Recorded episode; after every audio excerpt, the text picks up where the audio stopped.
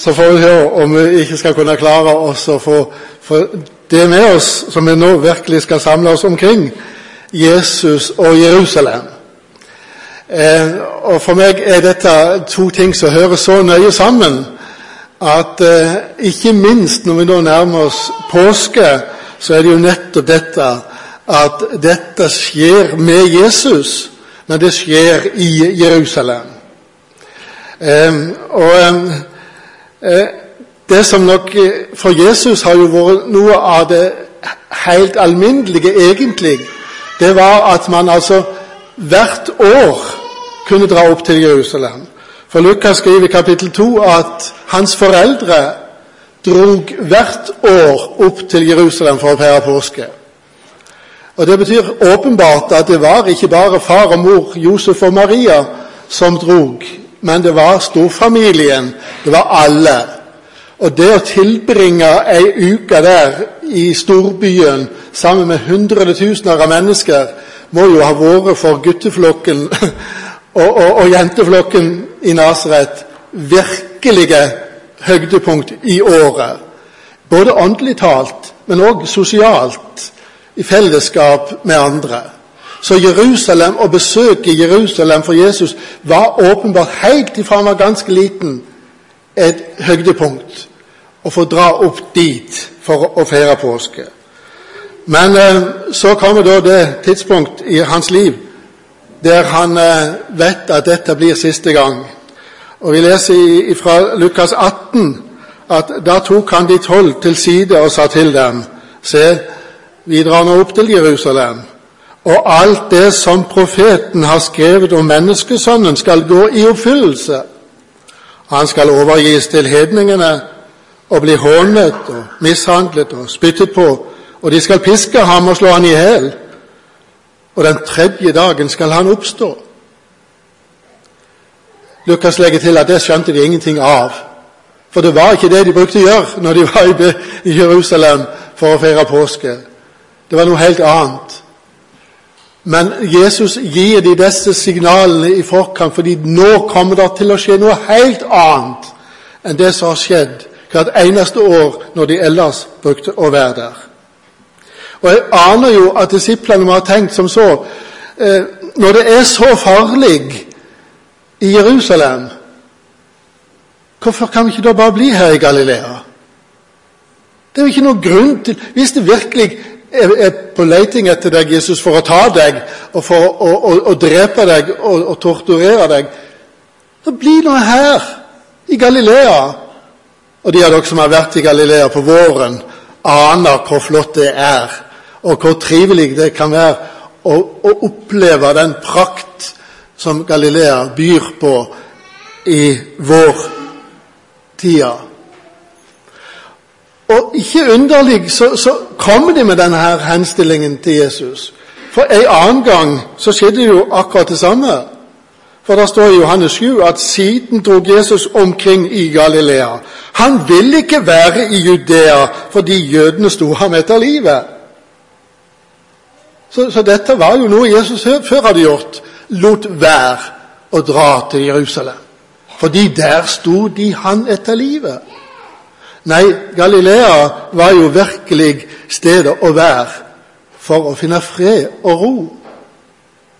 Eller var det det? Nei, det var faktisk ikke det. For eh, en gang så kom det noen skriftlærde til Jesus, noen fariseere, og så sier de til han, 'Du må komme deg vekk herfra, for Herodes akter å drepe deg.' Men han svarte, 'Gå og si til den reven. I dag og i morgen driver jeg ut onde ånder og helbreder og, og syke, og den tredje dagen er jeg ved målet. Men i dag og i morgen og enda en dag må jeg være underveis. For det er ikke rett at en profet mister livet andre steder enn i Jerusalem. For Jesus var profeten, Jesus var den utsendte Guds Messias, og det var ikke rett at Messias skulle miste livet i Galilea, i Kapernaum i Nasaret, Nei, det var Jerusalem han måtte til. Se, vi drar opp til Jerusalem, og alt skal nå skje som profetene har talt om. Og Derfor så måtte Jesu død og oppstandelse og gjenkomst finne sted i Jerusalem. Fordi Jerusalem er for det første offerstedet. Det er for det andre kroningsstedet. Og for det tredje så er Jerusalem åpenbaringsstedet. Så blir det disse tre temaene jeg nå kommer til å ta fram sammen med dere for å vise at det som skjer med Jesus, det har med det i Jerusalem at det er disse tre egenskapene, funksjonene, denne byen har, åndelig talt. Da starter vi med det viktigste, kanskje. Det første, i alle fall.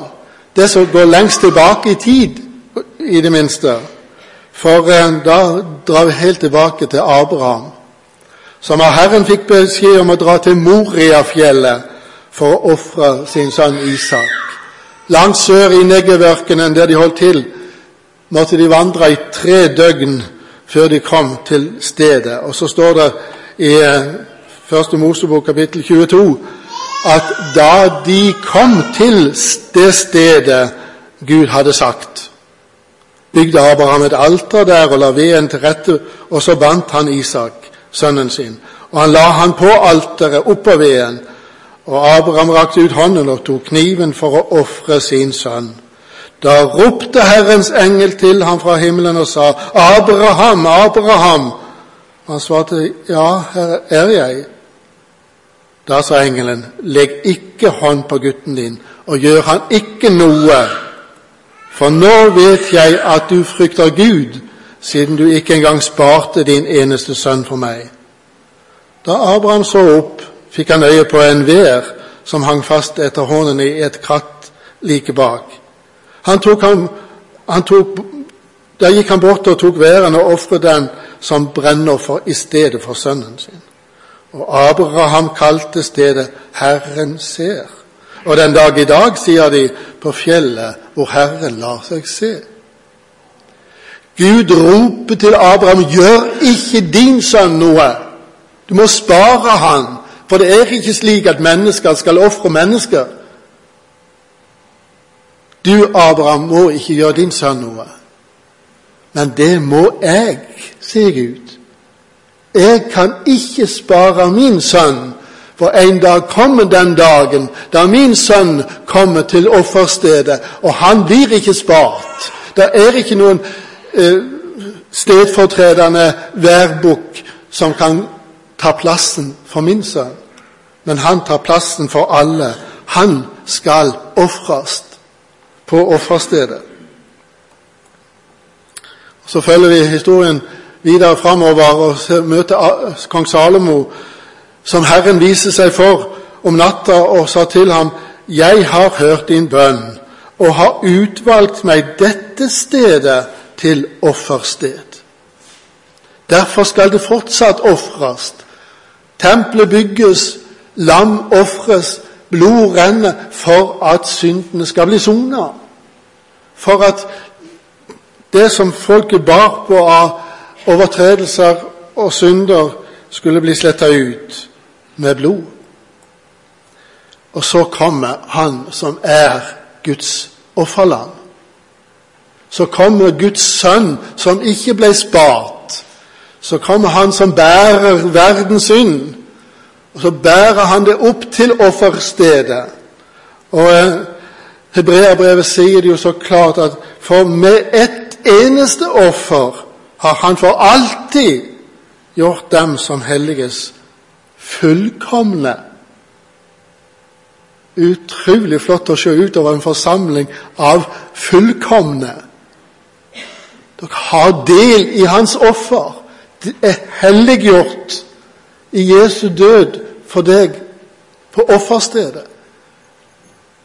Fullkomne.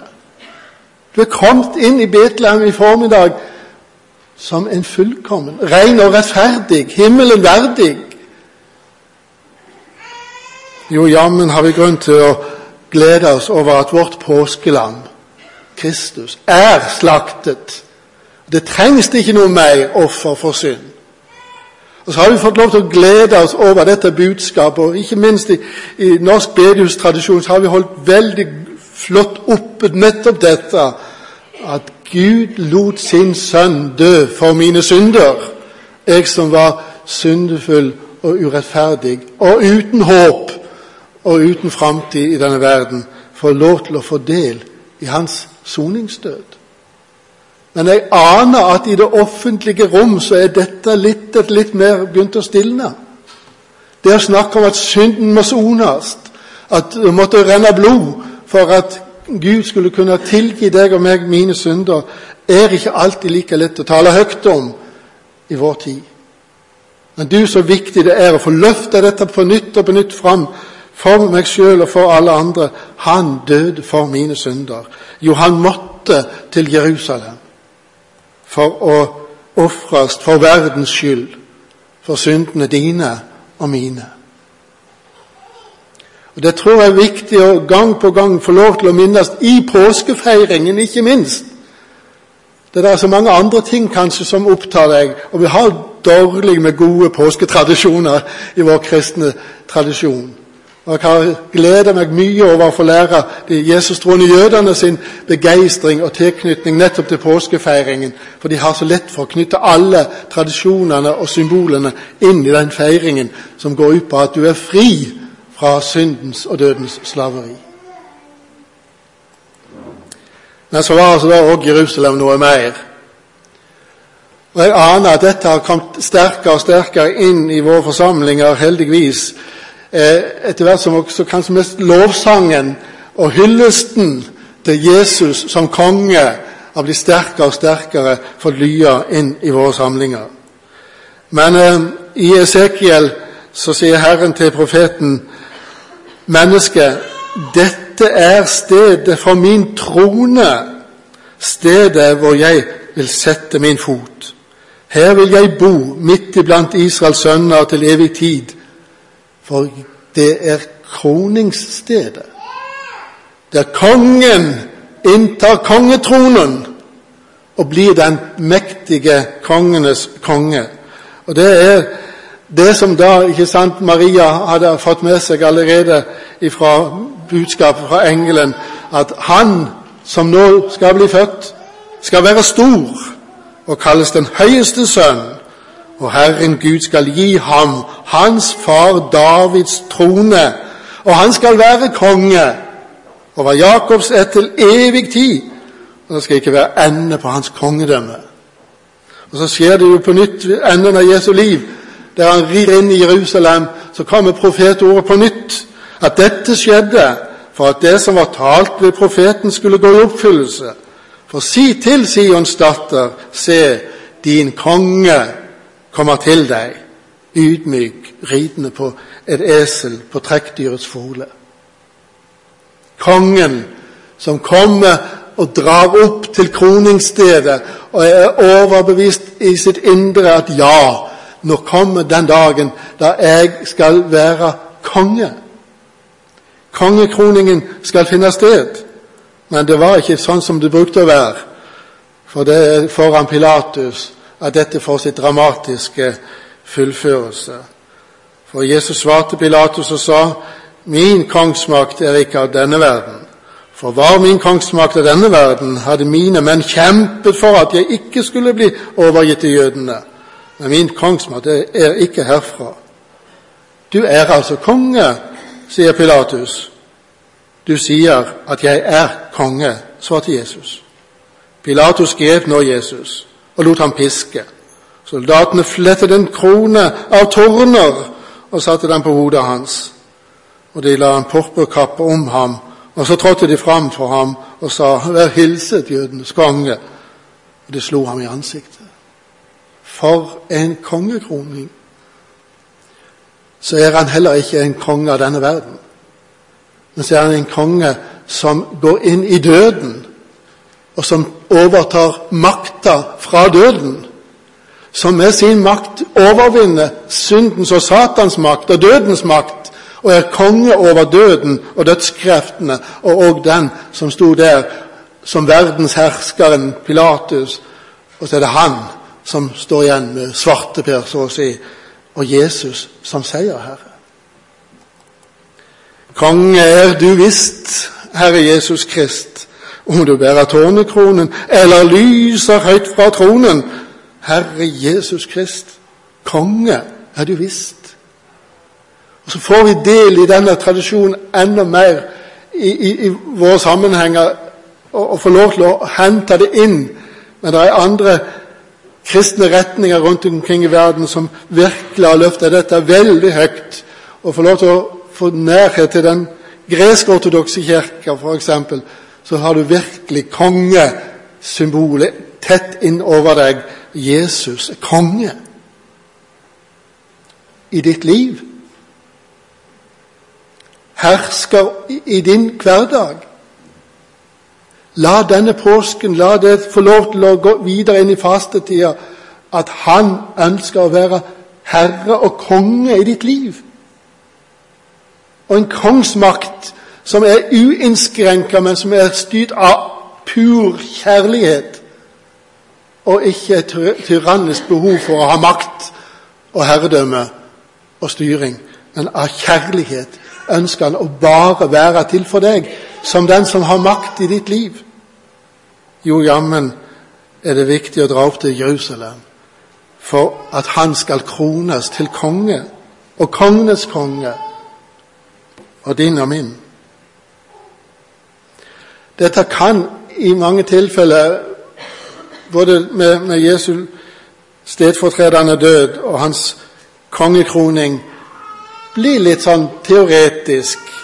Og Derfor er jeg veldig glad for at Jerusalem har en tredje funksjon. Det er et åpenbaringssted. Og det at ting blir åpenbart, at du får en aha-opplevelse, er noe helt annet enn å få en kunnskapsformidling inn i ditt hode. Og Da er vi litt tilbake igjen til Abraham, som altså sa at han kalte stedet for 'Herren ser'. Herren ser.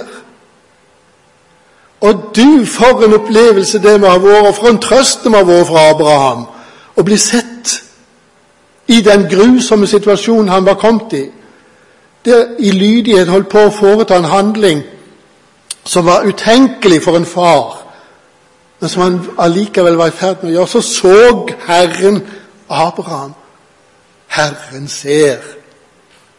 Og tenk du at det er en sannhet som skal få gjelde deg òg, at du er sett. Men ikke bare det, for på den dag i dag, sier det på fjellet, hvor Herren lar seg se.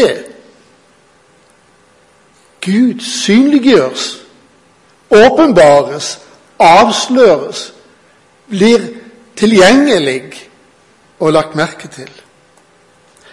Vi er igjen tilbake igjen til kong Salomo. og Jeg syns disse tingene henger så flott sammen.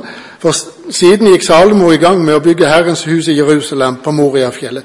Det var der Herren hadde åpenbart seg for hans far David, på stedet David hadde gjort i stand, på Jebusittens ordnans treskevoll.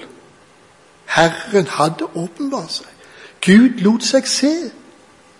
Der avslørte han noe av, av sin skjulthet og åpenbarte seg på samme måten som for Jesaja. Åpenbaringsberetningen, kallsberetningen i Jesaja 6. For i det året kong Ussia døde, så jeg Herren sitte på en høy og mektig trone og slepe av kappe fylte hele tempelet så jeg Herren. For han lot seg se. Det er en beretning som jeg gang på gang og i denne sammenhengen kommer tilbake til. Jeg syns det er så, så, rørende og gripende og samtidig så avslørende for Guds måte å handle på. For I Jerusalem bodde det den gang en mann som het Simon. Han var rettskaffen og gudfryktig og ventet på den tiden som skulle komme med trøst for Israel. Den hellige ånd var over ham, og ånden hadde latt ham få vite at han ikke skulle dø før han hadde sett Herrens salvede. Nå kom han til tempelet ledet av ånden, og da Jesus' foreldre kom med barn for å gjøre med ham som skikken var etter loven, tok Simon barnet i armene sine og priste Gud og sa, Herre, nå lar du din tjener fare herfra i fred, som du har sagt, for med egne øyne har jeg sett din frelse, som du har beredt til alle folks påsyn, et lys som blir til åpenbaring for hedningene og til ære for ditt folk Israel. Utrolig opplever det at denne mannen ser noe som ikke de andre ser. Fordi Ånden har åpna øynene hans. Josef og Maria og Jesusbarnet var like så synlig for alle på tempelplassen den dagen. Men Simon hadde fått øynene opp for Messias og sett ja, dette er Guds frelse. Dette er trøst for Israel. Herren salvede skulle han få se med egne øyne. Noe av det samme skjer ved Jesu kors.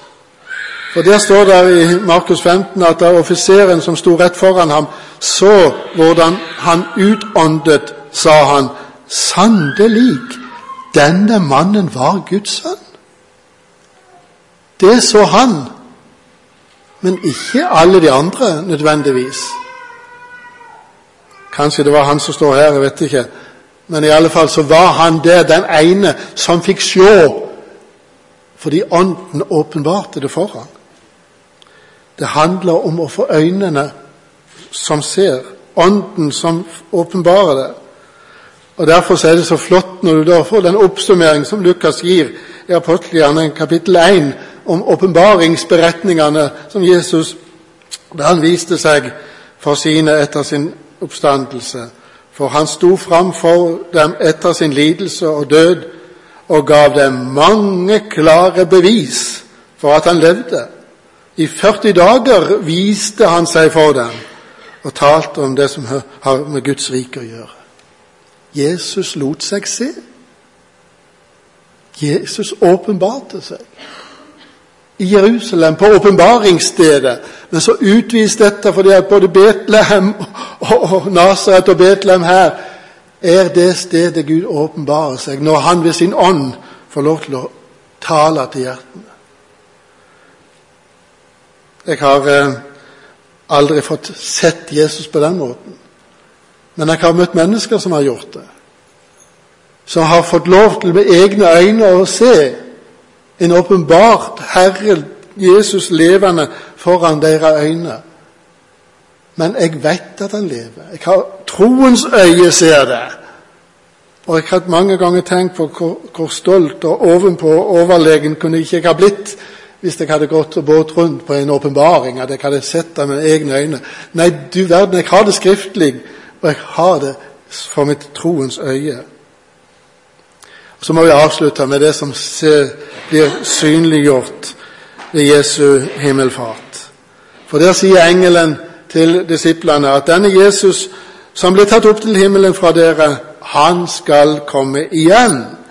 På samme måten som dere nå har sett ham fare opp til himmelen.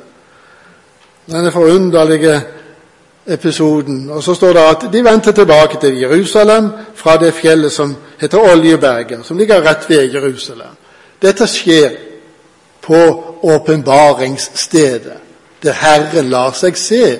Og han synlig tas fra dem, og de har vandra der sammen med han i tykt og tynt, bokstavelig talt, og spist og sovet sammen med han.